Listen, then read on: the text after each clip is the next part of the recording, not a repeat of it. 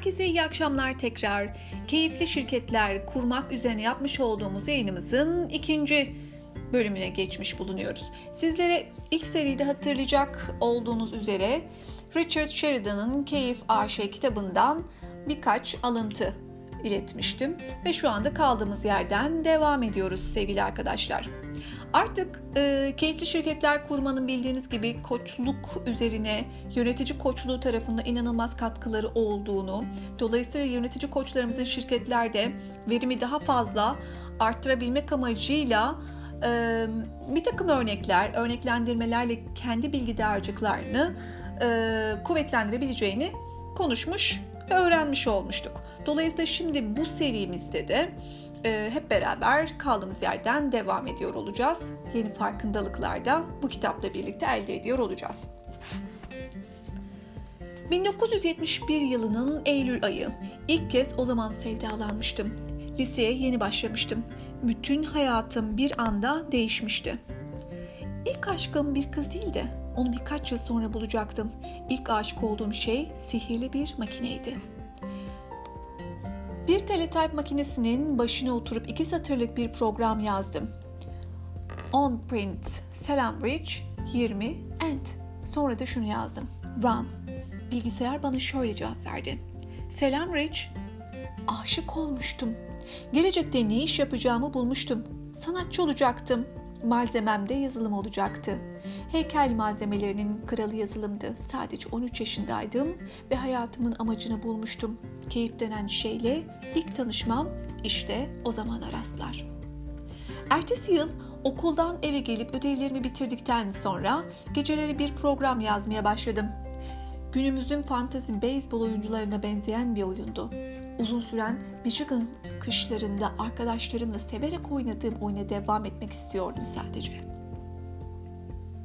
Oyunun kurallarını ve oyuncu istatistiklerini veren Baseball Register'ın tamamını bilgisayara girdim. Çocukluğumun kahramanı olan 500'den fazla oyuncunun tüm istatistiklerini, oynadıkları mevkileri, topu nereye attıklarını her şeyi ama her şeyi yazdım. Takım ve kadro seçimi yapabiliyor, takımları birbirine karşı oynatabiliyorduk. Arkadaşlarımla bu oyunu oynarken aldığım zevk amacımı daha bir sağlam odaklanmada bana yardımcı olmuştur. Öğretmenimin yüreklendirmesi ve annemle babamın sevgi dolu desteğini alarak uluslararası bir programcılık yarışmasına katıldım ve oyun kategorisinin birincisi oldum. Daha araba kullanmayı öğrenmeden teknolojik bir başarıya imza atmıştım ve programcı olarak Michigan'daki Macomb bölgesi orta eğitim kurumlarının bilgisayar tabanlı eğitim bölümünde çalışmaya başladım. Lisenin birinci sınıfında hayatımın en güzel anlarını bana yaşatan bilgisayarlarla aynı tipteki makineleri kullanıyordum. Macomb ilçesi okullarında kullanılan ilk e-posta sisteminin kurulmasında proje liderliği yaptım. Liseli programcılardan oluşan büyük bir ekip topladık.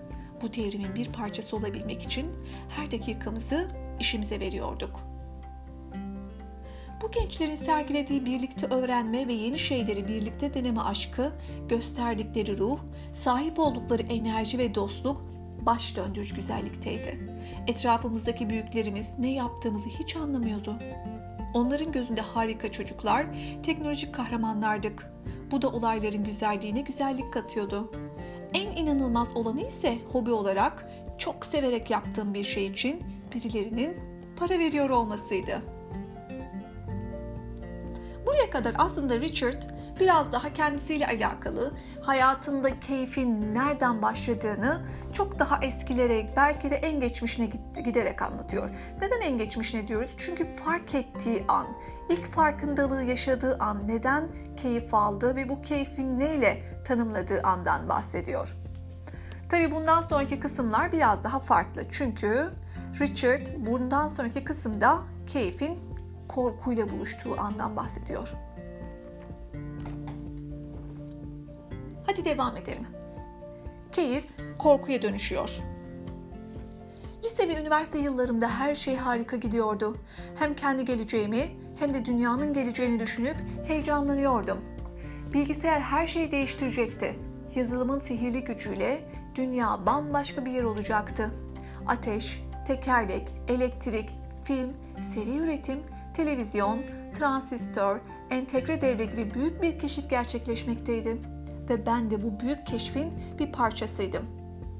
Kariyer hedeflerim doğrultusunda ilerlerken Michigan Üniversitesi'nden bilgisayar bilimleri ve bilgisayar mühendisliği alanında lisans ve master programlarını tamamladım. Meslek hayatım her anlamda harika gidiyordu. Her yıl terfiler, maaş zamları bunlarla yoluma devam ediyordum. Çalıştığım şirketler hisse senetlerinden pay veriyorlardı. Sorumluluklarım artıyor, buna paralel olarak ofisimde büyüyordu. 1982 ile 1997 yıllarında Ann Arbor'daki bazı teknoloji şirketlerinde çalışarak programcılıktan başkan yardımcılığına kadar yükseldim. Meslek hayatımın büyük bölümü Interface Systems adlı şirkette geçti. 1999 yılında Interface hisselerinin değeri itibariyle Michigan'daki halka açık en büyük özel şirket konumuna yükselmişti. Elimdeki hisselerin değeri 4 milyon doları aşıyordu. Çocukken istediğim her şeye sahiptim veya sahip olduğumu sanıyordum. Ancak bu kariyer yolculuğumun ortalarında ağır tükenmişlik sendromu yaşadım. Seçtiğim alan bana ihanet etmişti. Büyük bir hayal kırıklığı içindeydim. Artık bana keyif vermeyen bir kariyerin içinde sıkışıp kalmıştım ve bir yere gidemiyordum. Dışarıdan bakıldığında ise insanlar beni hala çok başarılı biri olarak görüyor, terfiler, maaş artışları ve daha fazla sorumlulukla ödüllendirmeye devam ediyorlardı. Başkalarının nazarında başarılı biri olmayı sürdürürken her gün yaşadığım sessiz çaresizliğime baktığımda bunların hiçbiri benim için bir anlam ifade etmiyordu. Canım ailemden uzun geceler ve hafta sonları boyunca uzak kalıyordum. Sadece ben değil, yanımda çalışan insanlar da aynı durumdaydılar. Tatil planlamak imkansız hale gelmişti. Projeler hep sorunluydu ve sürekli iptal ediliyorlardı. Hayal kırıklığı içindeki çalışma arkadaşlarım zorlu geçen toplantılarda birbirlerine bağırıp çağırıyordu. Bu yönetim çıkmasından kurtulmanın tek yolunun ekibin yarısını işten çıkarmak olduğuna inanıyordum. Ancak yeni elemanların işe alınma sürecinden ise oldukça nefret ediyordum. Dolayısıyla bu da bir çare değildi. Kalite ile ilgili sorunlar ürünlerin kurulumunu aksatıyordu. Müşteriler gecikme ve sonuçlardan sürekli şikayet ediyordu. Yazılım oyunda beslediğim aşk ve sabır göründüğü kadarıyla sınırına gelmişti. İki tercihim vardı. Ya sektörü değiştirecek ya da bu işi bırakacaktım. Sizce bundan sonra Richard Sheridan hangisini seçmiştir? Sektörümü değiştirmiştir, işimi bırakmıştır. Aslında yayınımızın başında bahsetmiş olduğumuz ve ilk yayında da bahsettiğimiz keyifli bir şirket kurabilme yolunda keyfi anlatan ve bu alanda ilerlemeyi seçen birisi az çok tahmin ediyorsunuzdur sizde. Evet, doğru tahmin sektörü değiştirmeyi seçiyor. 1997 yılıydı. 40 yaşındaydım. Sektörün dışından gelip kısa bir süre önce yönetimin tepesine geçmiş olan Interface'in o zamanki CEO'su Bob Niro beni ARGE bölümünün başkan yardımcılığına getirdi. Bob gelmeden yıllar yılı çalıştığım bölümle ilgili endişelerle boğuşarak yaşamıştım ve şimdi halka açık özel bir şirketin yönetici koltuğuna oturup sınırsız sorumluluk üstlenmek istemiyordum. Bob benimle benzer niteliklerdeki adaylar arasında gayri resmi bir araştırma yapmış, bölümün gerektirdiği bilgi, deneyim ve özgüvene sahip olduğumu saptamıştı. Ancak ben bu atamaya karşı çıktım. Bana sunulacak finansal ödülleri tahmin edebiliyordum ama bu yönetici koltuğunu kesinlikle kabul etmeyecektim. Bob'un planlarının başrol oyuncusu bendim. Yönettiği şirketi geleceğe taşıyacak kişi olarak beni görüyordu. Teklifini geri çevirmem onu kızdırdı ve beni ofisinden kapı dışarı etti. Akşam evde oturup teklifini bir kere daha ve bu sefer enine bonuyla değerlendirdim. Bana neler sunduklarını bir daha baktım. İşime duyduğum büyük sevgiyi, bilgisayar klavyesine ilk dokunduğum anda hissettiğim o müthiş hazzı düşündüm. Michigan'daki üniversitede okurken Ann Arbor'un en iyi yazılımcı ekibini kurmayı hayal ediyordum. Hiç ummadığım bir yarışın orta yerinde bulmuştum kendimi oysa. İçimdeki bu ateş giderek cılızlaşıyordu. İş dışındaki hayatım, iş yerinde çektiğim ızdırabın merhemi olmanın ötesine geçemiyordu. Bob Nero'nun gelişinden önceki birkaç yıl işe gelirken sırf daha geç geleyim diye uzun yollardan dolanır olmuştum. İşe geldikten sonra ise günümün yarısını arkası kapıya dönük olduğu için ne yaptığımı kimsenin görmediği ekranımda freestyle oynayarak geçiriyordum. Artık hiçbir şeyi umursamayan birine dönüşmüştüm.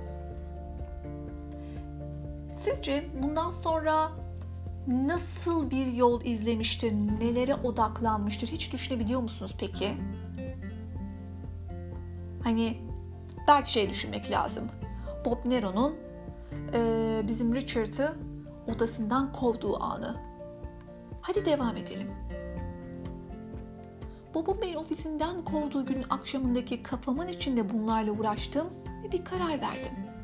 Değişimi başarmak için kolları sıvayacak, işimi ve çalıştığım sektörü yeniden sevmenin bir yolunu bulacak ve her şeyi düzeltmenin çaresini arayacaktım.''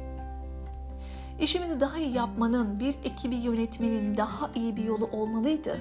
Ne aradığıma dair kafamda aslında en ufak bir fikir yoktu. Ancak yaşadığım bu varoluş krizini atlatmamı sağlayacak bir çözümün oralarda bir yerlerde olduğuna da emindim ve o çözümü gördüğüm anda işte aradığım şey bu diyebileceğimi de biliyordum. Michigan Üniversitesi'nde okurken aldığım yazılım mühendisliği derslerini İngiltere'deki Data Connection adlı şirkette yazılım ekiplerini imrendiren performans ve işbirliği ruhunu düşündüm. Yıllar içinde örgütsel tasarım ve yönetim ilkeleri üzerine çeşitli kitaplar okumuştum.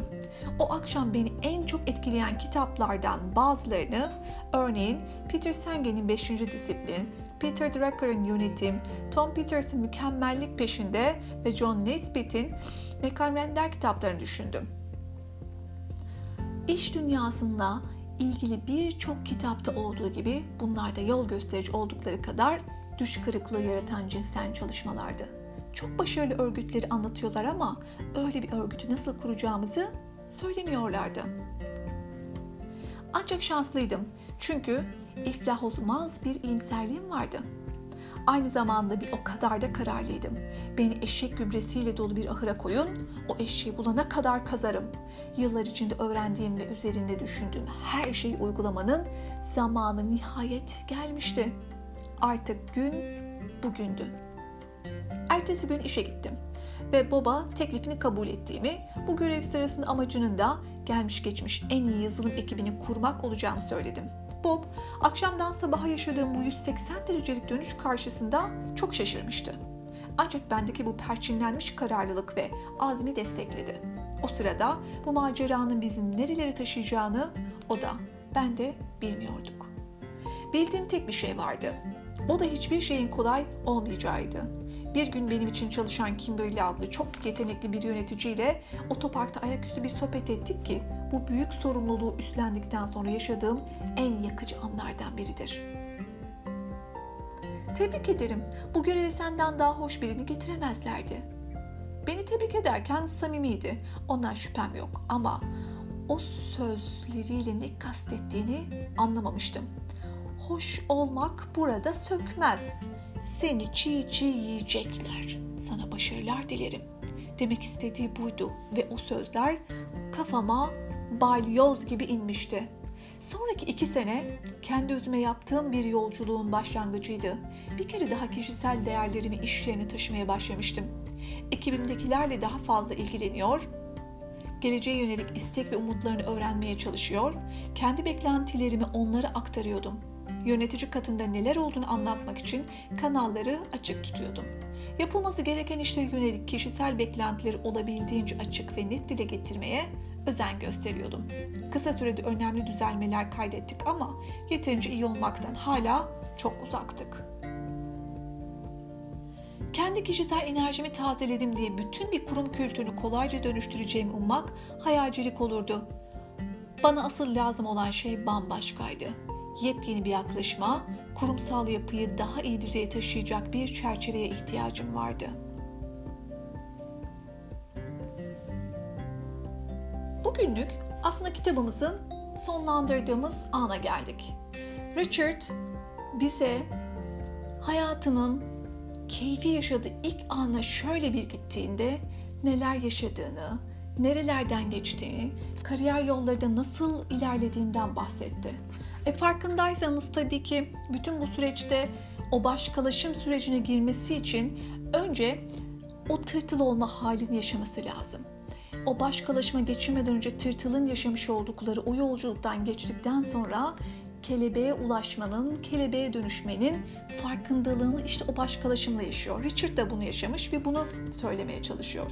Dolayısıyla aslında Yine koşuk tarafına geldiğimizde şirketlerin daha verimli, daha keyifli, daha iyi yaşanılabilir bir hale gelebilmesi için biz yönetici koçları olarak şirketlerde uygulayacağımız her türlü takım koçlukları, grup koçlukları ya da yönetici koçluklarında şirketleri verimli kılabilecek keyifli ortamı yaratabilmeleri için bu farkındalık kazandırmalarını sağlamamız lazım. Tabi bunu yöneticinin kendisinin görmesi ve ortaya çıkarması en değerli olanı ve bizim beklediğimiz kısım da bu. Ancak biz bir takım yollarla e, şirketler hakkında bilgi sahibi olarak e, sizlere bahsetmiş olduğum bu ve benzer kitapları okuyarak kendi bilgi dağarcığımızı ve kendi bakış açımızı biraz daha kendimizle alakalı fark ederek oradaki yöneticilere de yol açabiliyoruz. Kitabın içinde aslında e, Richard'ın önermiş olduğu, okumuş olduğu e, bazı kitaplar da vardı. O kitapların isimlerini yine sizlerle tekrar paylaşacağım yayının sonuna doğru yaklaşırken. Çünkü dediğim gibi biz koçlar hangi alanda koşuk yapıyorsak yapalım kendi alet çantamızı da, kendi bilgi dağarcığımızı da ve her türlü bilgiye ulaşabileceğimiz alanları keşfediyor olmamız lazım. Bu da koçlar olarak bizim farkındalığımız. Bu kitabın adını tekrar söylüyorum. Richard Sheridan'ın yazmış olduğu Keyif AŞ kitabı. Ama Richard'ın aslında tamamen şirketin kurumsal hale dönüşebilmesi için okuduğu yönetsel ve organizasyonel kültürün yerine gelmesi için okuduğu kitaplar ise şunlardı arkadaşlar. Peter Sengen'in 5. Disiplin, Peter Drucker'ın Yönetim, Tom Peterson Mükemmellik Peşinde ve John Nesbitt'in Megatrendler kitaplarını okumuş sevgili Richard. Kitapların da ismini tekrar paylaşmış olarak bir sonraki yayında kaldığımız yerden tekrar keyifli şirketler kurmak 3 ile devam ediyor olacağız. Bütün koçlara kendi süreçlerinde, kendi yaşamlarında da keyifli bir yolculuk diliyorum. Bugünlük de benden bu kadar. Görüşmek dileğiyle arkadaşlar. Hepiniz kendinize çok iyi bakın. Hoşçakalın.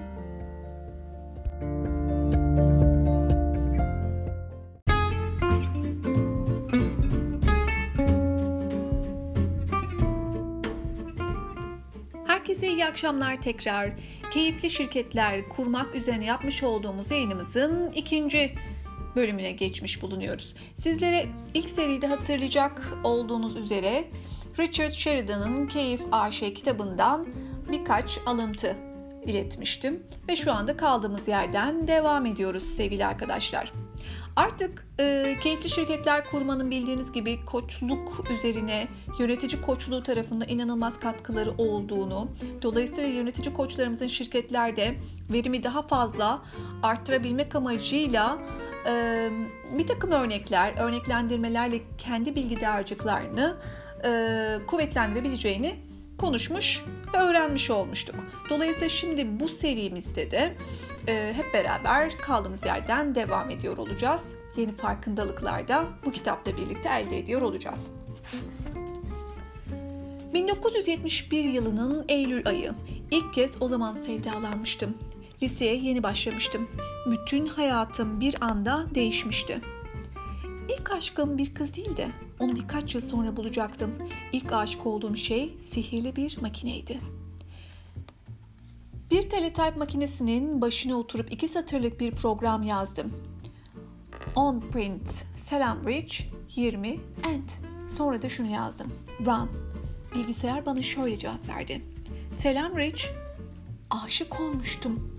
Gelecekte ne iş yapacağımı bulmuştum. Sanatçı olacaktım. Malzemem de yazılım olacaktı. Heykel malzemelerinin kralı yazılımdı. Sadece 13 yaşındaydım ve hayatımın amacını bulmuştum. Keyif denen şeyle ilk tanışmam işte o zamana rastlar. Ertesi yıl Okuldan eve gelip ödevlerimi bitirdikten sonra geceleri bir program yazmaya başladım. Günümüzün fantezi beyzbol oyuncularına benzeyen bir oyundu. Uzun süren Michigan kışlarında arkadaşlarımla severek oynadığım oyuna devam etmek istiyordum sadece. Oyunun kurallarını ve oyuncu istatistiklerini veren Baseball Register'ın tamamını bilgisayara girdim. Çocukluğumun kahramanı olan 500'den fazla oyuncunun tüm istatistiklerini, oynadıkları mevkileri, topu nereye attıklarını her şeyi ama her şeyi yazdım.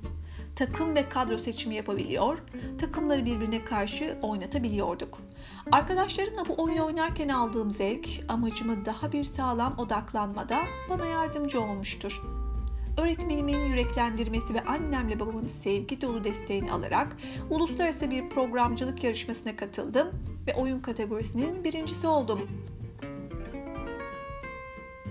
Daha araba kullanmayı öğrenmeden teknolojik bir başarıya imza atmıştım ve programcı olarak Michigan'daki Macomb bölgesi orta eğitim kurumlarının bilgisayar tabanlı eğitim bölümünde çalışmaya başladım.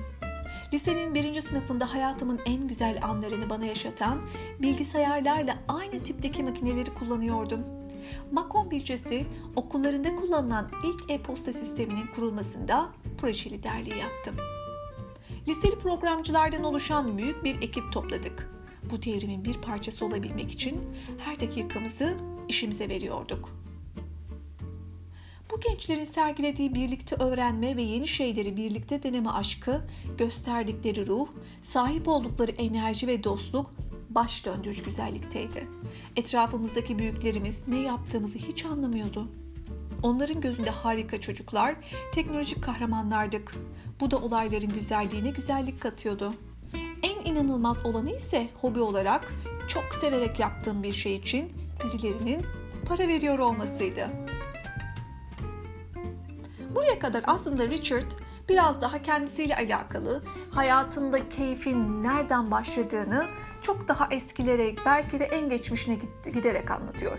Neden en geçmişine diyoruz? Çünkü fark ettiği an, ilk farkındalığı yaşadığı an, neden keyif aldığı ve bu keyfin neyle tanımladığı andan bahsediyor. Tabii bundan sonraki kısımlar biraz daha farklı. Çünkü Richard bundan sonraki kısımda keyfin korkuyla buluştuğu andan bahsediyor. Hadi devam edelim. Keyif korkuya dönüşüyor. Lise ve üniversite yıllarımda her şey harika gidiyordu. Hem kendi geleceğimi hem de dünyanın geleceğini düşünüp heyecanlanıyordum. Bilgisayar her şeyi değiştirecekti. Yazılımın sihirli gücüyle dünya bambaşka bir yer olacaktı. Ateş, tekerlek, elektrik, film, seri üretim, televizyon, transistör, entegre devre gibi büyük bir keşif gerçekleşmekteydi ve ben de bu büyük keşfin bir parçasıydım. Kariyer hedeflerim doğrultusunda ilerlerken Michigan Üniversitesi'nden bilgisayar bilimleri ve bilgisayar mühendisliği alanında lisans ve master programlarını tamamladım. Meslek hayatım her anlamda harika gidiyordu. Her yıl terfiler, maaş zamları bunlarla yoluma devam ediyordum. Çalıştığım şirketler hisse senetlerinden pay veriyorlardı. Sorumluluklarım artıyor, buna paralel olarak ofisimde büyüyordu. 1982 ile 1997 yıllarında Ann Arbor'daki bazı teknoloji şirketlerinde çalışarak programcılıktan başkan yardımcılığına kadar yükseldim. Meslek hayatımın büyük bölümü Interface Systems adlı şirkette geçti. 1999 yılında Interface hisselerinin değeri itibariyle Michigan'daki halka açık en büyük özel şirket konumuna yükselmişti. Elimdeki hisselerin değeri 4 milyon doları aşıyordu. Çocukken istediğim her şeye sahiptim veya sahip olduğumu sanıyordum. Ancak bu kariyer yolculuğumun ortalarında ağır tükenmişlik sendromu yaşadım. Seçtiğim alan bana ihanet etmişti. Büyük bir hayal kırıklığı içindeydim Artık bana keyif vermeyen bir kariyerin içinde sıkışıp kalmıştım ve bir yere gidemiyordum. Dışarıdan bakıldığında ise insanlar beni hala çok başarılı biri olarak görüyor, terfiler, maaş artışları ve daha fazla sorumlulukla ödüllendirmeye devam ediyorlardı. Başkalarının nazarında başarılı biri olmayı sürdürürken her gün yaşadığım sessiz çaresizliğimi baktığımda bunların hiçbiri benim için bir anlam ifade etmiyordu. Canım ailemden uzun geceler ve hafta sonları boyunca uzak kalıyordum. sadece ben değil, yanımda çalışan insanlar da aynı durumdaydılar. Tatil planlamak imkansız hale gelmişti. Projeler hep sorunluydu ve sürekli iptal ediliyorlardı. Hayal kırıklığı içindeki çalışma arkadaşlarım zorlu geçen toplantılarda birbirlerine bağırıp çağırıyordu. Bu yönetim çıkmazından kurtulmanın tek yolunun ekibin yarısını işten çıkarmak olduğuna inanıyordum. Ancak yeni elemanların işe alınma sürecinden ise oldukça nefret ediyordum. Dolayısıyla bu da bir çare değildi. Kaliteyle ilgili sorunlar ürünlerin kurulumunu aksatıyordu. Müşteriler gecikme ve sonuçlardan sürekli şikayet ediyordu. Yazılım oyununa beslediğim aşk ve sabır göründüğü kadarıyla sınırına gelmişti. İki tercihim vardı. Ya sektörü değiştirecek ya da bu işi bırakacaktım. Sizce bundan sonra Richard Sheridan hangisini seçmiştir? Sektörümü değiştirmiştir, işimi bırakmıştır. Aslında yayınımızın başında bahsetmiş olduğumuz ve ilk yayında da bahsettiğimiz keyifli bir şirket kurabilme yolunda keyfi anlatan ve bu alanda ilerlemeyi seçen birisi az çok tahmin ediyorsunuzdur siz de. Evet, doğru tahmin sektörü değiştirmeyi seçiyor. 1997 yılıydı. 40 yaşındaydım. Sektörün dışından gelip kısa bir süre önce yönetimin tepesine geçmiş olan Interface'in o zamanki CEO'su Bob Niro beni ARGE bölümünün başkan yardımcılığına getirdi. Bob gelmeden yıllar yılı çalıştığım bölümle ilgili endişelerle boğuşarak yaşamıştım ve şimdi halka açık özel bir şirketin yönetici koltuğuna oturup sınırsız sorumluluk üstlenmek istemiyordum. Bob, benimle benzer niteliklerdeki adaylar arasında gayri resmi bir araştırma yapmış, bölümün gerektirdiği bilgi, deneyim ve özgüvene sahip olduğumu saptamıştı. Ancak ben bu atamaya karşı çıktım. Bana sunulacak finansal ödülleri tahmin edebiliyordum ama bu yönetici koltuğunu kesinlikle kabul etmeyecektim. Bob'un planlarının başrol oyuncusu bendim. Yönettiği şirketi geleceğe taşıyacak kişi olarak beni görüyordu. Teklifini geri çevirmem onu kızdırdı ve beni ofisinden kapı dışarı etti. Akşam evde oturup teklifini bir kere daha ve bu sefer enine bonuyla değerlendirdim. Bana neler sunduklarını bir daha baktım. İşime duyduğum büyük sevgiyi, bilgisayar klavyesine ilk dokunduğum anda hissettiğim o müthiş hazzı düşündüm. Michigan'daki üniversitede okurken Ann Arbor'un en iyi yazılımcı ekibini kurmayı hayal ediyordum. Hiç ummadığım bir yarışın orta yerinde bulmuştum kendimi oysa. İçimdeki bu ateş giderek cılızlaşıyordu. İş dışındaki hayatım, iş yerinde çektiğim ızdırabın merhemi olmanın ötesine geçemiyordu. Bob Nero'nun gelişinden önceki birkaç yıl işe gelirken sırf daha geç geleyim diye uzun yollardan dolanır olmuştum. İşe geldikten sonra ise günümün yarısını arkası kapıya dönük olduğu için ne yaptığımı kimsenin görmediği ekranımda freestyle oynayarak geçiriyordum. Artık hiçbir şeyi umursamayan birine dönüşmüştüm. Sizce bundan sonra nasıl bir yol izlemiştir, nelere odaklanmıştır hiç düşünebiliyor musunuz peki? Hani belki şey düşünmek lazım. Bob Nero'nun e, bizim Richard'ı odasından kovduğu anı. Hadi devam edelim. Bob'un beni ofisinden kovduğu günün akşamındaki kafamın içinde bunlarla uğraştım ve bir karar verdim. Değişimi başarmak için kolları sıvayacak, işimi ve çalıştığım sektörü yeniden sevmenin bir yolunu bulacak ve her şeyi düzeltmenin çaresini arayacaktım. İşimizi daha iyi yapmanın, bir ekibi yönetmenin daha iyi bir yolu olmalıydı. Ne aradığıma dair kafamda aslında en ufak bir fikir yoktu. Ancak yaşadığım bu varoluş krizini atlatmamı sağlayacak bir çözümün oralarda bir yerlerde olduğuna da emindim ve o çözümü gördüğüm anda işte aradığım şey bu diyebileceğimi de biliyordum. Michigan Üniversitesi'nde okurken aldığım yazılım mühendisliği derslerini İngiltere'deki Data Connection adlı şirkette yazılım ekiplerini imrendiren performans ve işbirliği ruhunu düşündüm. Yıllar içinde örgütsel tasarım ve yönetim ilkeleri üzerine çeşitli kitaplar okumuştum. O akşam beni en çok etkileyen kitaplardan bazılarını örneğin Peter Sengen'in 5. Disiplin, Peter Drucker'ın Yönetim, Tom Peters'ın Mükemmellik Peşinde ve John Naisbitt'in Mekan Render kitaplarını düşündüm. İş dünyasında ilgili birçok kitapta olduğu gibi bunlar da yol gösterici oldukları kadar düş kırıklığı yaratan cinsten çalışmalardı. Çok başarılı örgütleri anlatıyorlar ama öyle bir örgütü nasıl kuracağımızı söylemiyorlardı. Ancak şanslıydım çünkü iflah olmaz bir iyimserliğim vardı. Aynı zamanda bir o kadar da kararlıydım. Beni eşek gübresiyle dolu bir ahıra koyun, o eşeği bulana kadar kazarım. Yıllar içinde öğrendiğim ve üzerinde düşündüğüm her şeyi uygulamanın zamanı nihayet gelmişti. Artık gün bugündü. Ertesi gün işe gittim ve baba teklifini kabul ettiğimi, bu görev sırasında amacının da gelmiş geçmiş en iyi yazılım ekibini kurmak olacağını söyledim. Bob, akşamdan sabaha yaşadığım bu 180 derecelik dönüş karşısında çok şaşırmıştı. Ancak bendeki bu perçinlenmiş kararlılık ve azmi destekledi. O sırada bu maceranın bizi nerelere taşıyacağını o da ben de bilmiyorduk. Bildiğim tek bir şey vardı. O da hiçbir şeyin kolay olmayacağıydı. Bir gün benim için çalışan Kimberly adlı çok yetenekli bir yöneticiyle otoparkta ayaküstü bir sohbet ettik ki bu büyük sorumluluğu üstlendikten sonra yaşadığım en yakıcı anlardan biridir. Tebrik ederim. Bu göreve senden daha hoş birini getiremezlerdi.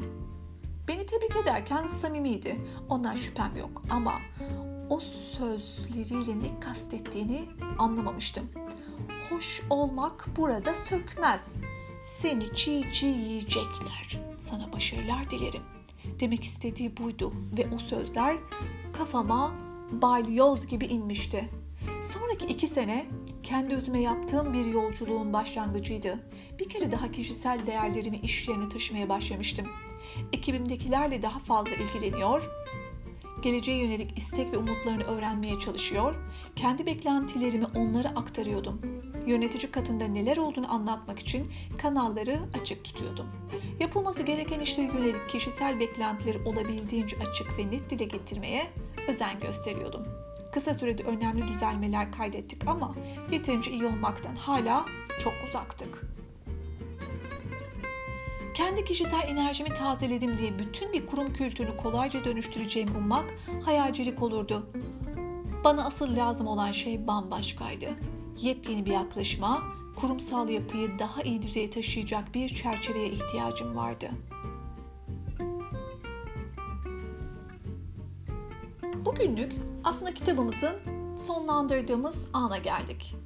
Richard bize hayatının keyfi yaşadığı ilk ana şöyle bir gittiğinde neler yaşadığını, nerelerden geçtiğini, kariyer yollarında nasıl ilerlediğinden bahsetti.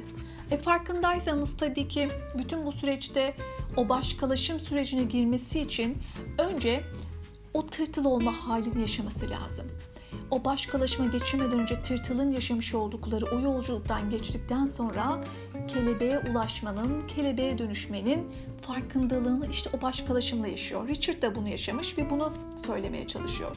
Dolayısıyla aslında Yine koşuk tarafına geldiğimizde şirketlerin daha verimli, daha keyifli, daha iyi yaşanılabilir bir hale gelebilmesi için biz yönetici koçları olarak şirketlerde uygulayacağımız her türlü takım koçlukları, grup koçlukları ya da yönetici koçluklarında şirketleri verimli kılabilecek keyifli ortamı yaratabilmeleri için bu farkındalık kazandırmalarını sağlamamız lazım. Tabi bunu yöneticinin kendisinin görmesi ve ortaya çıkarması en değerli olanı ve bizim beklediğimiz kısım da bu. Ancak biz bir takım yollarla şirketler hakkında bilgi sahibi olarak e, sizlere bahsetmiş olduğum bu ve benzeri kitapları okuyarak kendi bilgi dağarcığımızı ve kendi bakış açımızı biraz daha kendimizle alakalı fark ederek oradaki yöneticilere de yol açabiliyoruz. Kitabın içinde aslında e, Richard'ın önermiş olduğu, okumuş olduğu e, bazı kitaplar da vardı. O kitapların isimlerini yine sizlerle tekrar paylaşacağım yayının sonuna doğru yaklaşırken. Çünkü dediğim gibi biz koçlar hangi alanda koşuk yapıyorsak yapalım kendi alet çantamızı da, kendi bilgi dağarcığımızı da ve her türlü bilgiye ulaşabileceğimiz alanları keşfediyor olmamız lazım. Bu da koçlar olarak bizim farkındalığımız. Bu kitabın adını tekrar söylüyorum. Richard Sheridan'ın yazmış olduğu Keyif AŞ kitabı. Ama Richard'ın aslında tamamen şirketin kurumsal hale dönüşebilmesi için okuduğu yönetsel ve organizasyonel kültürün yerine gelmesi için okuduğu kitaplar ise şunlardı arkadaşlar. Peter Sengen'in 5. Disiplin, Peter Drucker'ın Yönetim, Tom Peterson Mükemmellik Peşinde ve John Nesbitt'in Megatrendler kitaplarını okumuş sevgili Richard. Kitapların da ismini tekrar paylaşmış olarak bir sonraki yayında kaldığımız yerden tekrar keyifli şirketler kurmak 3 ile devam ediyor olacağız. Bütün koçlara kendi süreçlerinde, kendi yaşamlarında da keyifli bir yolculuk diliyorum. Bugünlük de benden bu kadar. Görüşmek dileğiyle arkadaşlar. Hepiniz kendinize çok iyi bakın. Hoşçakalın.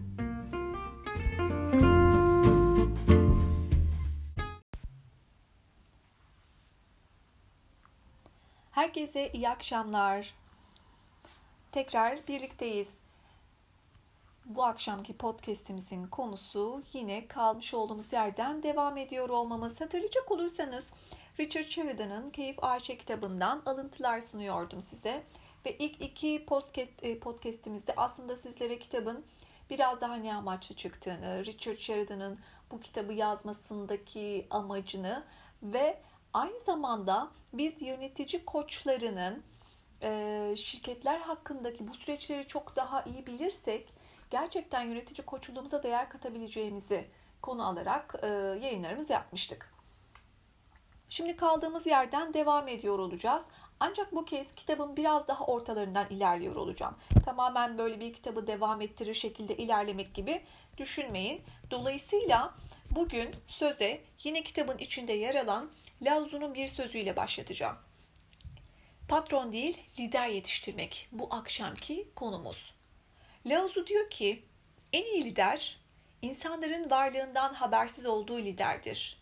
Lider görevini tamamlayıp amacına ulaştığında etrafındaki insanlar şöyle der. Bu işi başaranlar bizleriz.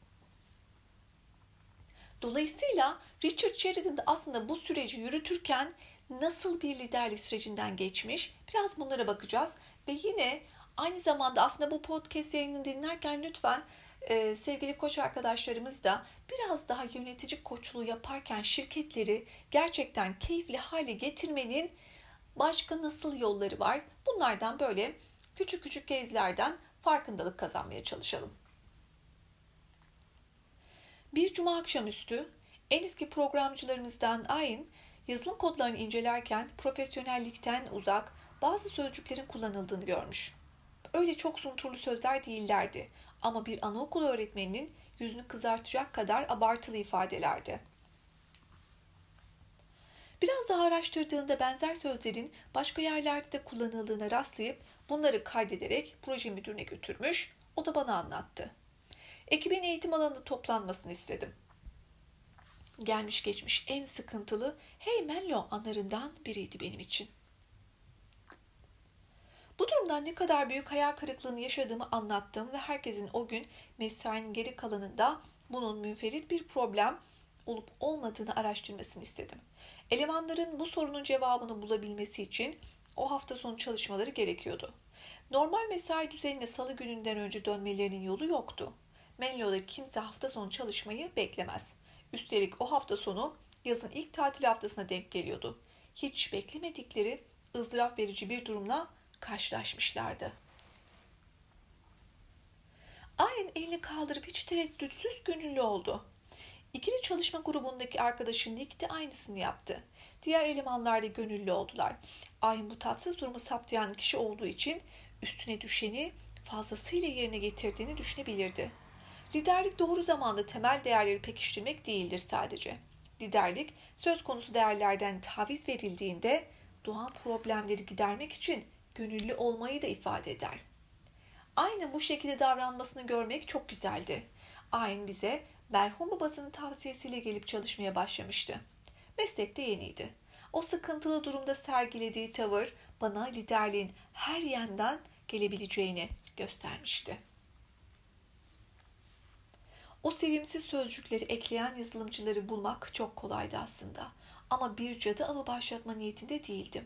Bu olayı insanları suçlama mertebesine çekmek, şirketi büyütme çabamıza sekte vurabilirdi. Bir eylem planı hazırlayabilirdim. Ancak bunu yapmak yerine başkalarının liderlik yapmasına zemin oluşturmayı tercih ettim. Birilerinin öne çıkıp inisiyatif alacağını umuyordum ve umduğum gibi de oldu. Ne yapmaları gerektiğini onlara hiç kimse söylememişti. Yapılan incelemeler neticesinde görüldü ki bu müferit bir olaymış. Sistemin işleyişi üzerine bir etkisi yokmuş. Salı günü göster ve anlat etkinliğimizden önce müşterimize sorunu ve nasıl çözdüğümüzü anlattık. Müşterimiz de hayal kırıklığı yaşadığı yaşamasına ama açık açık onunla paylaşmamızdan ve çözüme yönelik tuttuğumuzdaki davranışımızdan oldukça etkilenmişti. Aynı hikayesi Menlo'da nasıl lider yetiştirildiğinin tipik bir örneğidir. Aynı patron değildi. Henüz bir yönetici ünvanı yoktu. Ancak bir görevlendirme olmadan bu çabanın liderliğini üstlenmesini bilmişti. Ekip onu takip etti. Onun konuya gösterdiği özenden etkilendi. CEO, CEO, CFO veya müdürlük gibi standart ünvanlardan veya bulunulan makamın yetkilerinden tamamen vazgeçmiş bir şirket değiliz. Ancak Menlo'da liderlik bir ünvan veya makamla sınırlı bir kavram değildir. Bazı liderler yaşanan durumlardan doğarken bazı liderler de saygı ve tecrübelerinin getirdiği insanları etkileme gücünün sonucunda ortaya çıkar.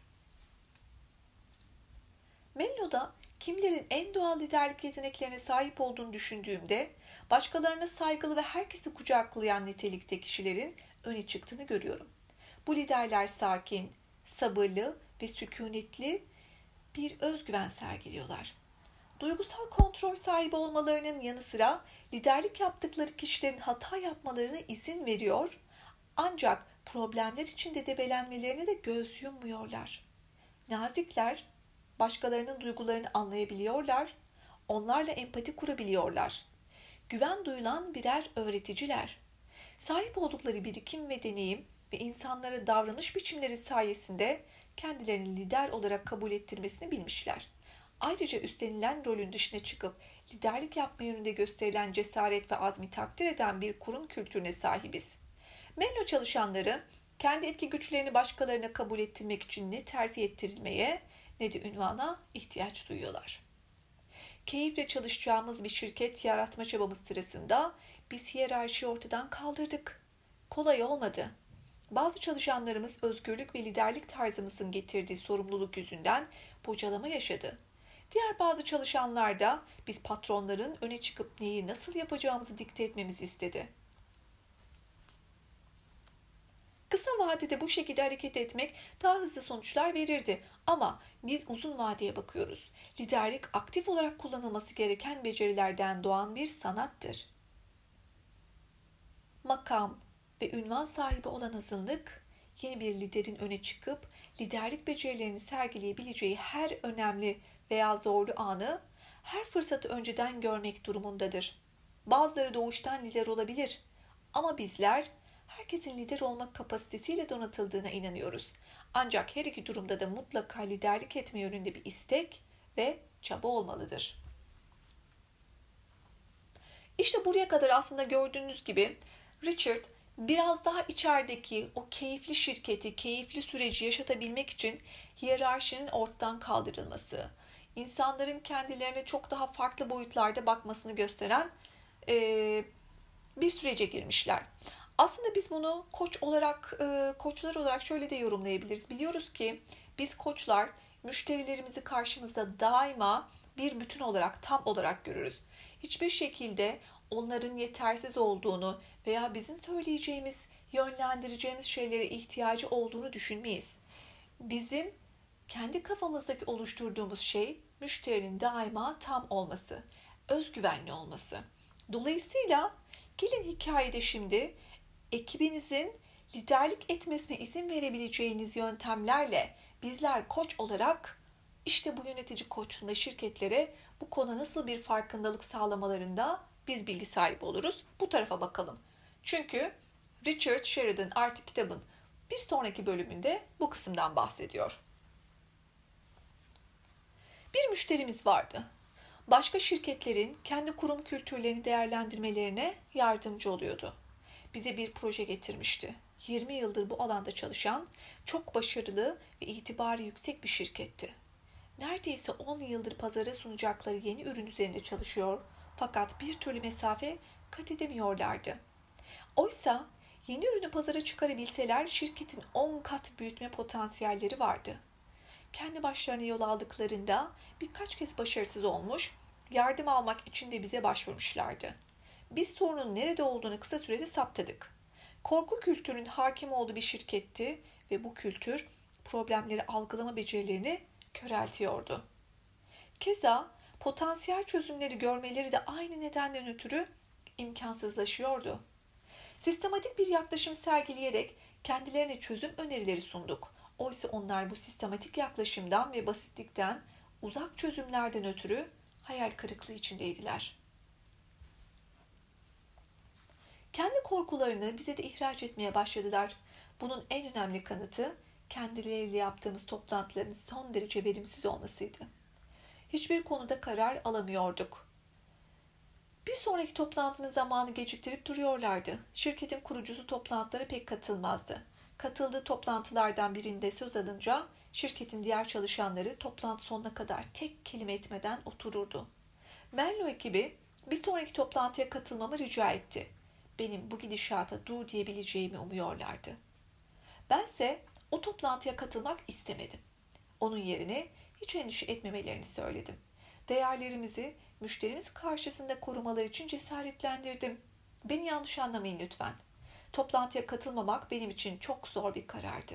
O toplantıda olmayı vücudumdaki tüm hücrelerle istiyordum. Katılırsam bozulmak üzere olan bir ilişkiyi düzeltme becerilerimi sonuna kadar kullanabilecektim çünkü.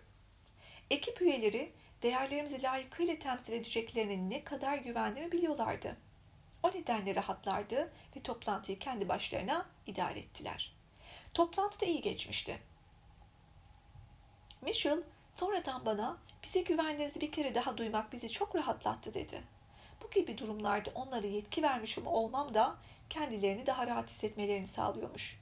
Bazen bir müşteriden kurtulmak isteriz veya onlar bizden önce davranıp kapıyı gösterirler. Ancak çalışanlarımız bunu asla kendilerinin bir hatası olarak görmeyeceğimizi bilirler.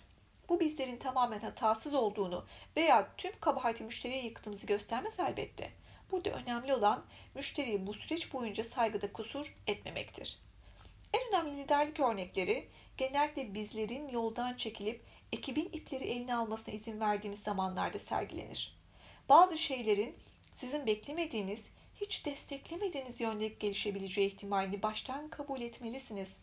Ekibin bu olaydan ders çıkarmasını, hatta yapa yapa liderlik becerilerini geliştirmesini sabırla izlemelisiniz.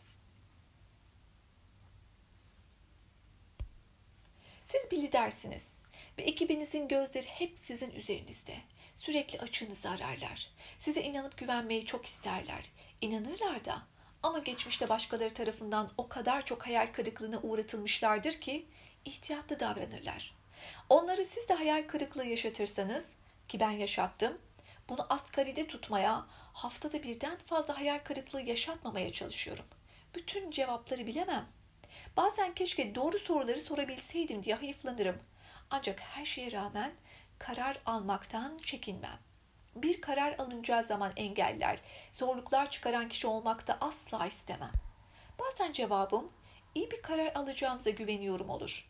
Daha keyiflisi ise sizden bir karar vermenizin istenmediği bir kurum kültürü yerleştirmesidir. Bazen biri sizi ayaküstü yakalayıp bugün önemli bir konuda bir karar alacağız. Ayrıntıları öğrenmek istiyorsan söyle der. Liderliğin en zor tarafı o kurumsal yapı içindeki herkes kadar yararlanabileceğiniz hatırdan çıkarmamaktadır. Kurumsal yapının herhangi bir anda nasıl işlediği veya işlemediğine bakmak, bu gerçeği kısmen gözler önüne sermeye yeterlidir. Jim Collins, İyiden Mükemmel adlı kitabında 5. düzey kategorisinde gördüğü büyük liderlerin ne kadar alçak gönüllü olduklarını anlatır. Bu teste gitseydim eminim her seferinde çuvallardım. Bizim kadar dikkatlerin odağında olup alçak gönüllülüğü muhafaza etmek çok önemlidir. Ama o kadar kolay da değildir. Ayaklarım yerden kesilip havalandığımda beni dünyaya geri indiren insanlar olduğu için çok şanslıyım. İş ortaklarım, ekibin kilit üyeleri ve ailem bana bu konuda çok yardımcı oluyor. Kırılgan ve alçak gönüllü olmanın en zor taraflarından biri bu kadar çok sevdiğiniz, tüm benliğinizle sevdiğiniz bu şeyin mükemmel olmadığını tekrar ve tekrar işitmek zorunda kalmasınızdır. Her şirketin yaşadığı problemlerin aynılarını biz de yaşıyoruz. Hem de hemen hemen hepsini. Birbiriyle geçinemeyen ekip üyelerimizle problemlerimiz var. Şirketin kurucuları gelecek hakkında fikir birliği içinde olmadıklarında sıkıntılar yaşıyoruz.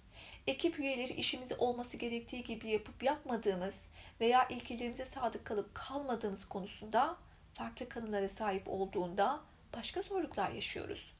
Böylesi problemleri bizlere büyümeden gösterip kolayca çözmemize olanak sağlayan bir sistemi kurmuş olduğumuzu umuyorum. Zaman zaman ufak tefek yenilgiler yaşıyoruz. Ancak bu yenilgilerin de bir artısı olduğunu düşünüyorum. Mesela ortaya ne kadar güzel bir eser çıkardığımızı hatırlıyor. Mesela karşılaştığımız tüm zorluklara rağmen başka yerlerde pek görülmeyen bir şeye yani ekip içinde yer alan herkesin bir sonraki günü, ayı, yılı görmek istediği, bunun için çabaladığı bir kurum kültürüne sahip olduğumuzu düşündürüyor. Bu son derece büyük bir güçtür. Tüm cevapları sahip olmamaktan kaynaklanan kırılganlık, henüz tam anlamıyla formüle edilmemiş fikirlerinizi ekibinizle paylaşma alçak gönüllülüğünü beraberinde getirir. Bu fikirler aynen birer bebek gibidir. Onların çok güzel olduğunu düşünürüz ancak bu güzellik o anın gerçekliğinden ziyade geleceğe dönük umutlarımızın bir yansımasıdır. 2011 yılıydı.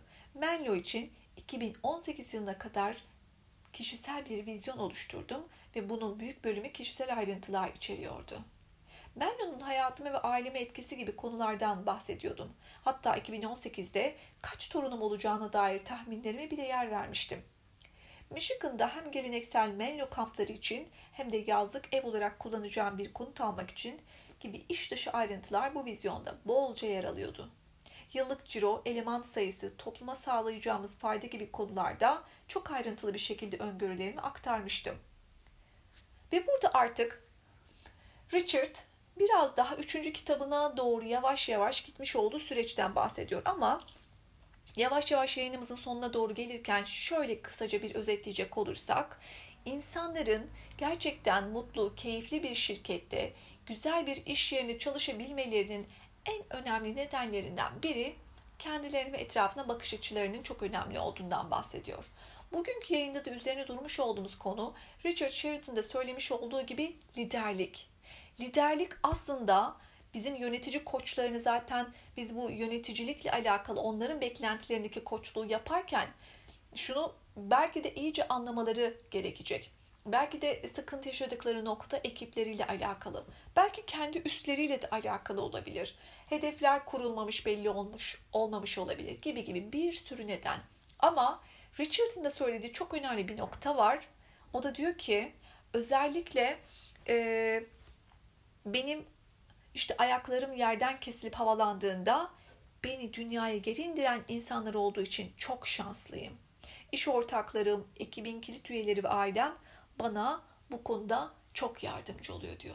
Yani liderlik aslında şeffaf bir yerde. Yani biz ne kadar lider olarak kendimizi ön plana çıkartıp ünvanlardan sıyrılmayıp bunu daha belirgin bir şekilde bahsediyor olursak işte gerçek bir liderlik burada biraz sıkıntı yaratıyor maalesef. Dolayısıyla Richard Sheridan'ın yine bu kitabında bahsettiği gibi keyifli bir şirket kurmanın yolu birçok farklı aksiyonlardan geçiyor. Bu yayında bahsetmiş olduğu diğer kitapta Jim Collins'in İyiden Mükemmele adlı kitabıydı. Dolayısıyla bundan da bahsetmiş olarak ben artık yayının sonuna doğru geliyorum ve kitabı tekrar hatırlatıyorum size. Richard Sheridan'dan Keyif AŞ, Çalışmaktan Keyif Alınan Bir İş Yeri adlı kitabından üçüncü yayınımızı da tamamlamış oldum. Bugün biraz liderlik üzerine konuşmuş olduk bu kitapla ilgili. Dolayısıyla biz yönetici koçlarının en azından kendi bilgi dağarcığımız ve heybemizi doldurabilmek amacıyla daha fazla neler yapabiliriz, neler öğrenebiliriz dediğimiz kısımda bu kitap inanılmaz fayda sağlıyor. Ve tekrar Laozu'nun e, sözüyle de sizlere iyi akşamlar dilemek istiyorum. En iyi lider, insanların varlığından habersiz olduğu liderdir. Lider, görevini tamamlayıp amacına ulaştığında etrafındaki insanlar şöyle der. Bu işi başaranlar bizleriz. Beni dinlediğiniz için arkadaşlar hepinize çok teşekkür ediyorum. Bir sonraki yayınımızda kaldığımız yerden devam etmek üzere hepinize sevgi ve saygıyla selamlıyorum.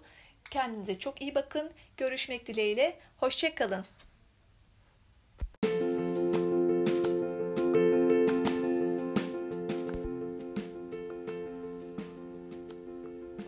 Herkese iyi akşamlar. Tekrar birlikteyiz. Bu akşamki podcast'imizin konusu yine kalmış olduğumuz yerden devam ediyor olmamız. Hatırlayacak olursanız Richard Sheridan'ın Keyif Arşe kitabından alıntılar sunuyordum size. Ve ilk iki podcast, e, podcast'imizde aslında sizlere kitabın biraz daha ne amaçlı çıktığını, Richard Sheridan'ın bu kitabı yazmasındaki amacını ve aynı zamanda biz yönetici koçlarının e, şirketler hakkındaki bu süreçleri çok daha iyi bilirsek gerçekten yönetici koçluğumuza değer katabileceğimizi konu alarak e, yayınlarımız yapmıştık. Şimdi kaldığımız yerden devam ediyor olacağız. Ancak bu kez kitabın biraz daha ortalarından ilerliyor olacağım. Tamamen böyle bir kitabı devam ettirir şekilde ilerlemek gibi düşünmeyin. Dolayısıyla bugün söze yine kitabın içinde yer alan Lao bir sözüyle başlatacağım. Patron değil, lider yetiştirmek bu akşamki konumuz. Lao diyor ki, en iyi lider insanların varlığından habersiz olduğu liderdir. Lider görevini tamamlayıp amacına ulaştığında etrafındaki insanlar şöyle der. Bu işi başaranlar bizleriz. Dolayısıyla Richard Sheridan da aslında bu süreci yürütürken nasıl bir liderlik sürecinden geçmiş biraz bunlara bakacağız. Ve yine aynı zamanda aslında bu podcast yayını dinlerken lütfen e, sevgili koç arkadaşlarımız da biraz daha yönetici koçluğu yaparken şirketleri gerçekten keyifli hale getirmenin başka nasıl yolları var? Bunlardan böyle küçük küçük gezlerden farkındalık kazanmaya çalışalım. Bir cuma akşamüstü en eski programcılarımızdan Ayn yazılım kodlarını incelerken profesyonellikten uzak bazı sözcüklerin kullanıldığını görmüş. Öyle çok sunturlu sözler değillerdi ama bir anaokulu öğretmeninin yüzünü kızartacak kadar abartılı ifadelerdi. Biraz daha araştırdığında benzer sözlerin başka yerlerde de kullanıldığına rastlayıp bunları kaydederek proje müdürüne götürmüş, o da bana anlattı. Ekibin eğitim alanında toplanmasını istedim. Gelmiş geçmiş en sıkıntılı Hey Menlo anlarından biriydi benim için. Bu durumdan ne kadar büyük hayal kırıklığını yaşadığımı anlattım ve herkesin o gün mesainin geri kalanında bunun müferit bir problem olup olmadığını araştırmasını istedim. Elemanların bu sorunun cevabını bulabilmesi için o hafta sonu çalışmaları gerekiyordu. Normal mesai düzenine salı gününden önce dönmelerinin yolu yoktu. Menlo'da kimse hafta sonu çalışmayı beklemez. Üstelik o hafta sonu yazın ilk tatil haftasına denk geliyordu. Hiç beklemedikleri ızdırap verici bir durumla karşılaşmışlardı. Aynen elini kaldırıp hiç tereddütsüz gönüllü oldu. İkili çalışma grubundaki arkadaşı Nick de aynısını yaptı. Diğer elemanlar da gönüllü oldular. Ayın bu tatsız durumu saptayan kişi olduğu için üstüne düşeni fazlasıyla yerine getirdiğini düşünebilirdi. Liderlik doğru zamanda temel değerleri pekiştirmek değildir sadece. Liderlik söz konusu değerlerden taviz verildiğinde doğan problemleri gidermek için gönüllü olmayı da ifade eder. Aynı bu şekilde davranmasını görmek çok güzeldi. Ayn bize merhum babasının tavsiyesiyle gelip çalışmaya başlamıştı. Meslekte yeniydi. O sıkıntılı durumda sergilediği tavır bana liderliğin her yandan gelebileceğini göstermişti. Sevimsiz sözcükleri ekleyen yazılımcıları bulmak çok kolaydı aslında. Ama bir cadı avı başlatma niyetinde değildim. Bu olayı insanları suçlama mertebesine çekmek, şirketi büyütme çabamıza sekte vurabilirdi. bir eylem planı hazırlayabilirdim. Ancak bunu yapmak yerine başkalarının liderlik yapmasına zemin oluşturmayı tercih ettim. Birilerinin öne çıkıp inisiyatif alacağını umuyordum ve umduğum gibi de oldu. Ne yapmaları gerektiğini onlara hiç kimse söylememişti. Yapılan incelemeler neticesinde görüldü ki bu müferit bir olaymış. Sistemin işleyişi üzerinde bir etkisi yokmuş. Salı günü göster ve anlat etkinliğimizden önce müşterimize sorunu ve nasıl çözdüğümüzü anlattık. Müşterimiz de hayal kırıklığı yaşadığı yaşamasına ama açık açık onunla paylaşmamızdan ve çözüme yönelik tuttuğumuzdaki davranışımızdan oldukça etkilenmişti. Aynı hikayesi Menlo'da nasıl lider yetiştirildiğinin tipik bir örneğidir. Ayn patron değildi. Henüz bir yönetici ünvanı yoktu. Ancak bir görevlendirme olmadan bu çabanın liderliğini üstlenmesini bilmişti. Ekip onu takip etti. Onun konuya gösterdiği özenden etkilendi. CEO, CEO, CFO veya müdürlük gibi standart ünvanlardan veya bulunulan makamın yetkilerinden tamamen vazgeçmiş bir şirket değiliz. Ancak Menlo'da liderlik bir ünvan veya makamla sınırlı bir kavram değildir. Bazı liderler yaşanan durumlardan doğarken bazı liderler de saygı ve tecrübelerinin getirdiği insanları etkileme gücünün sonucunda ortaya çıkar. Menlo'da kimlerin en doğal liderlik yeteneklerine sahip olduğunu düşündüğümde başkalarına saygılı ve herkesi kucaklayan nitelikte kişilerin öne çıktığını görüyorum. Bu liderler sakin, sabırlı ve sükunetli bir özgüven sergiliyorlar. Duygusal kontrol sahibi olmalarının yanı sıra liderlik yaptıkları kişilerin hata yapmalarına izin veriyor ancak problemler içinde debelenmelerine de göz yummuyorlar. Nazikler, başkalarının duygularını anlayabiliyorlar, onlarla empati kurabiliyorlar. Güven duyulan birer öğreticiler. Sahip oldukları birikim ve deneyim ve insanlara davranış biçimleri sayesinde kendilerini lider olarak kabul ettirmesini bilmişler. Ayrıca üstlenilen rolün dışına çıkıp liderlik yapma yönünde gösterilen cesaret ve azmi takdir eden bir kurum kültürüne sahibiz. Menlo çalışanları kendi etki güçlerini başkalarına kabul ettirmek için ne terfi ettirilmeye ne de ünvana ihtiyaç duyuyorlar. Keyifle çalışacağımız bir şirket yaratma çabamız sırasında biz hiyerarşiyi ortadan kaldırdık. Kolay olmadı. Bazı çalışanlarımız özgürlük ve liderlik tarzımızın getirdiği sorumluluk yüzünden bocalama yaşadı. Diğer bazı çalışanlar da biz patronların öne çıkıp neyi nasıl yapacağımızı dikte etmemizi istedi. Kısa vadede bu şekilde hareket etmek daha hızlı sonuçlar verirdi ama biz uzun vadeye bakıyoruz. Liderlik aktif olarak kullanılması gereken becerilerden doğan bir sanattır. Makam ve ünvan sahibi olan azınlık, yeni bir liderin öne çıkıp liderlik becerilerini sergileyebileceği her önemli veya zorlu anı her fırsatı önceden görmek durumundadır. Bazıları doğuştan lider olabilir ama bizler herkesin lider olmak kapasitesiyle donatıldığına inanıyoruz. Ancak her iki durumda da mutlaka liderlik etme yönünde bir istek ve çaba olmalıdır. İşte buraya kadar aslında gördüğünüz gibi Richard biraz daha içerideki o keyifli şirketi, keyifli süreci yaşatabilmek için hiyerarşinin ortadan kaldırılması, insanların kendilerine çok daha farklı boyutlarda bakmasını gösteren e, bir sürece girmişler. Aslında biz bunu koç olarak, e, koçlar olarak şöyle de yorumlayabiliriz. Biliyoruz ki biz koçlar müşterilerimizi karşımızda daima bir bütün olarak, tam olarak görürüz. Hiçbir şekilde onların yetersiz olduğunu veya bizim söyleyeceğimiz, yönlendireceğimiz şeylere ihtiyacı olduğunu düşünmeyiz. Bizim kendi kafamızdaki oluşturduğumuz şey müşterinin daima tam olması, özgüvenli olması.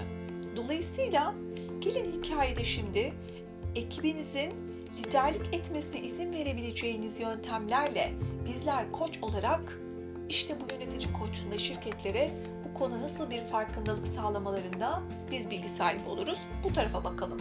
Çünkü Richard Sheridan artık kitabın bir sonraki bölümünde bu kısımdan bahsediyor. Bir müşterimiz vardı. Başka şirketlerin kendi kurum kültürlerini değerlendirmelerine yardımcı oluyordu. Bize bir proje getirmişti. 20 yıldır bu alanda çalışan çok başarılı ve itibarı yüksek bir şirketti. Neredeyse 10 yıldır pazara sunacakları yeni ürün üzerinde çalışıyor fakat bir türlü mesafe kat edemiyorlardı. Oysa yeni ürünü pazara çıkarabilseler şirketin 10 kat büyütme potansiyelleri vardı. Kendi başlarına yol aldıklarında birkaç kez başarısız olmuş, yardım almak için de bize başvurmuşlardı. Biz sorunun nerede olduğunu kısa sürede saptadık. Korku kültürünün hakim olduğu bir şirketti ve bu kültür problemleri algılama becerilerini köreltiyordu. Keza potansiyel çözümleri görmeleri de aynı nedenden ötürü imkansızlaşıyordu. Sistematik bir yaklaşım sergileyerek kendilerine çözüm önerileri sunduk. Oysa onlar bu sistematik yaklaşımdan ve basitlikten, uzak çözümlerden ötürü hayal kırıklığı içindeydiler. Kendi korkularını bize de ihraç etmeye başladılar. Bunun en önemli kanıtı kendileriyle yaptığımız toplantıların son derece verimsiz olmasıydı. Hiçbir konuda karar alamıyorduk. Bir sonraki toplantının zamanı geciktirip duruyorlardı. Şirketin kurucusu toplantılara pek katılmazdı. Katıldığı toplantılardan birinde söz alınca şirketin diğer çalışanları toplantı sonuna kadar tek kelime etmeden otururdu. Menlo ekibi bir sonraki toplantıya katılmamı rica etti. Benim bu gidişata dur diyebileceğimi umuyorlardı. Bense o toplantıya katılmak istemedim. Onun yerine hiç endişe etmemelerini söyledim. Değerlerimizi müşterimiz karşısında korumaları için cesaretlendirdim. Beni yanlış anlamayın lütfen. Toplantıya katılmamak benim için çok zor bir karardı. O toplantıda olmayı vücudumdaki tüm hücrelerle istiyordum. Katılırsam bozulmak üzere olan bir ilişkiyi düzelme becerilerimi sonuna kadar kullanabilecektim çünkü. Ekip üyeleri değerlerimizi layıkıyla temsil edeceklerine ne kadar güvendiğimi biliyorlardı. O nedenle rahatlardı ve toplantıyı kendi başlarına idare ettiler. Toplantı da iyi geçmişti. Mitchell sonradan bana bize güvendiğinizi bir kere daha duymak bizi çok rahatlattı dedi. Bu gibi durumlarda onlara yetki vermiş olmam da kendilerini daha rahat hissetmelerini sağlıyormuş. Bazen bir müşteriden kurtulmak isteriz veya onlar bizden önce davranıp kapıyı gösterirler. Ancak çalışanlarımız bunu asla kendilerinin bir hatası olarak görmeyeceğimizi bilirler. Bu bizlerin tamamen hatasız olduğunu veya tüm kabahati müşteriye yıktığımızı göstermez elbette. Burada önemli olan müşteriye bu süreç boyunca saygıda kusur etmemektir. En önemli liderlik örnekleri genellikle bizlerin yoldan çekilip ekibin ipleri eline almasına izin verdiğimiz zamanlarda sergilenir. Bazı şeylerin sizin beklemediğiniz, hiç desteklemediğiniz yönde gelişebileceği ihtimalini baştan kabul etmelisiniz.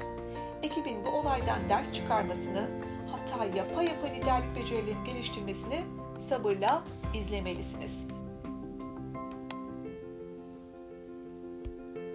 Siz bir lidersiniz ve ekibinizin gözleri hep sizin üzerinizde. Sürekli açığınızı ararlar. Size inanıp güvenmeyi çok isterler. İnanırlar da ama geçmişte başkaları tarafından o kadar çok hayal kırıklığına uğratılmışlardır ki ihtiyatlı davranırlar. Onları siz de hayal kırıklığı yaşatırsanız ki ben yaşattım, bunu asgaride tutmaya, haftada birden fazla hayal kırıklığı yaşatmamaya çalışıyorum. Bütün cevapları bilemem. Bazen keşke doğru soruları sorabilseydim diye hayıflanırım. Ancak her şeye rağmen karar almaktan çekinmem. Bir karar alınacağı zaman engeller, zorluklar çıkaran kişi olmak da asla istemem. Bazen cevabım iyi bir karar alacağınıza güveniyorum olur. Daha keyiflisi ise sizden bir karar vermenizin istenmediği bir kurum kültürü yerleştirmesidir. Bazen biri sizi ayaküstü yakalayıp bugün önemli bir konuda bir karar alacağız. Ayrıntıları öğrenmek istiyorsan söyle der. Liderliğin en zor tarafı o kurumsal yapı içindeki herkes kadar yararlanabileceğiniz hatırdan çıkarmamaktadır. Kurumsal yapının herhangi bir anda nasıl işlediği veya işlemediğine bakmak, bu gerçeği kısmen gözler önüne sermeye yeterlidir. Jim Collins, İyiden Mükemmel adlı kitabında 5. düzey kategorisinde gördüğü büyük liderlerin ne kadar alçak gönüllü olduklarını anlatır. Bu teste gitseydim eminim her seferinde çuvallardım. Bizim kadar dikkatlerin odağında olup alçak gönüllülüğü muhafaza etmek çok önemlidir. Ama o kadar kolay da değildir. Ayaklarım yerden kesilip havalandığında beni dünyaya geri indiren insanlar olduğu için çok şanslıyım. İş ortaklarım, ekibin kilit üyeleri ve ailem bana bu konuda çok yardımcı oluyor.